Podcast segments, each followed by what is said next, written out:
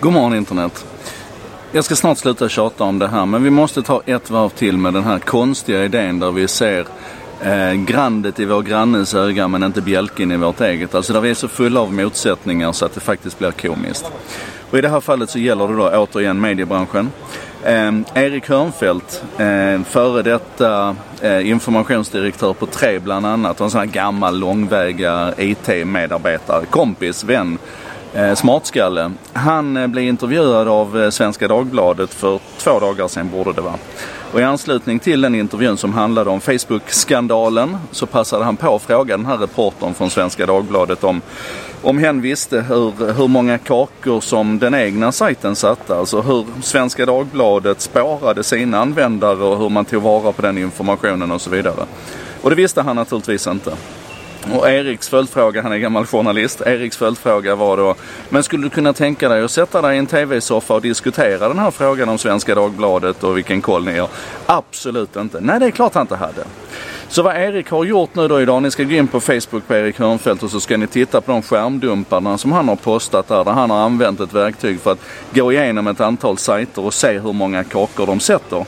Eh, och då kan man till exempel konstatera, eller hur många, inte bara hur många kakor utan hur många eh, tredjepartsförfrågningar som görs ifrån sajten. Alltså varje gång du går till den här sajten så skickar den iväg förfrågningar till andra ställen för att bygga upp sajten. Det kan vara så enkla saker som att hämta bilder från ett annat ställe.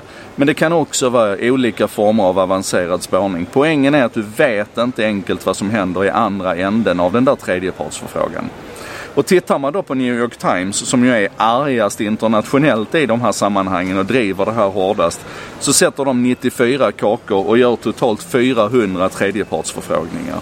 Det är alltså potentiellt då 94 kakor och 400 tredjepartsförfrågningar som kan göra i stort sett samma sak som eh, Cambridge Analytica gjorde med Facebooks data.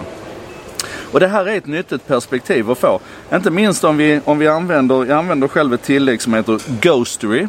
Som gör ungefär samma sak som Erik har gjort. Så det är alltså en plugin som du installerar i din webbläsare. Och vad Ghostery gör då det är att den låter dig veta vilka kakor, vilka tredjepartsförfrågningar som en sajt gör. Framförallt med fokus på kakor i det här fallet.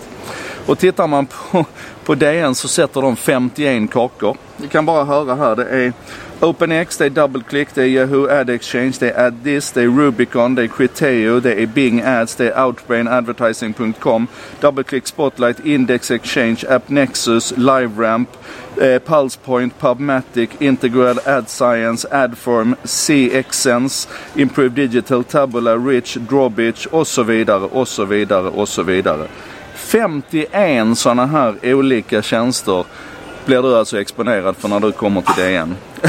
Bland annat naturligtvis en Facebook Pixel och eh, Google Analytics-kod. Så att, alltså DN är så arga på Google och Facebook nu samtidigt så använder de själv de tjänsterna. Och om vi då ska försöka reda ut vad, vad DN gör med det här materialet så kan man, kan man faktiskt hitta en sida som heter cookies på dn.se. Och här skriver man då lite grann om så här fluffet som man måste göra då enligt cookie-lagen. Så skriver man om, om hur man använder sina egna kakor då. Um, men sen är det också de här tredjepartskakorna, alltså alla de här 51 i princip som jag läste. Då står det så här. Ibland kan vi använda tredjepartscookies och eller filer från andra företag för att göra marknadsundersökningar och trafikmätningar, underlätta annonshantering och för att förbättra funktionaliteten på webbplatsen. Filerna kommer från vårt annonsnätverk och våra teknikleverantörer. Filerna gör att annonssystemet känner igen cookies på din dator för att kunna förstå vilka annonser som ska visas eller vilka annonser som har visats i webbläsaren. För det första, det där är en underdrift av fundamentalt slag. För det är inte alls bara det kakorna gör. För det andra, DN verkar här frånsäga sig allt ansvar för vad de här tredjepartsleverantörerna gör i sin tur med de kakorna som sätts på DNs sajt när du går dit. Alltså rent allmänt, så här kan vi hålla på. Och det här är ändå bara toppen på isberget. För om vi sen går in och funderar på vad DN egentligen gör med det här datat.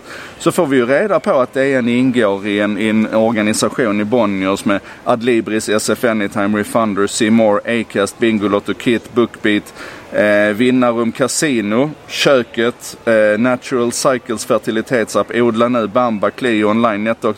Och ingenstans står det någonting om hur DN använder uppgifterna och delar med sig till de andra företagen i den här gruppen. Du har ingen koll, du har ingen möjlighet att gå till DN och få reda på det här. Om du googlar på DN och användaravtal så landar du på artiklar där Dagens Nyheter skriver argt om andras användaravtal och hånar andras användaravtal. Men du hittar fan inte deras eget användaravtal. Och det här är så dåligt. Och jag lovar att det är sista gången jag rantar om detta. Men det här är viktigt. Tanka nu hem Ghostery, gå till Erik Hörnfeldts sida, titta på vad han har gjort, börja bilda din egen uppfattning om det här och se till att du, att du utbildar dig så att vi kan skruva ut åt, inte bara de som medierna säger att vi ska skruva åt, utan de som faktiskt behöver skruvas åt och bevakas. Är ni med? Det här var en sak idag. Producerat av mig Joakim Jardenberg med benäget bistånd ifrån Bredband2. Internetoperatören som gärna lyssnar när andra pratar. det textas och översätts av Contentor som jobbar med modern marknadsföring och texter på nätet och översättningar. Så fram emot lunch så ligger det på både svenska och engelska. Det är ju fantastiskt. Och fantastiskt är också hur ni hänger på och delar och diskuterar och kommenterar de här inslagen. Ehm, det är otroligt mycket värt och det är otroligt viktigt just nu för att det känns som att det mesta är under attack och på jävligt vaga grunder. Vi ses imorgon igen.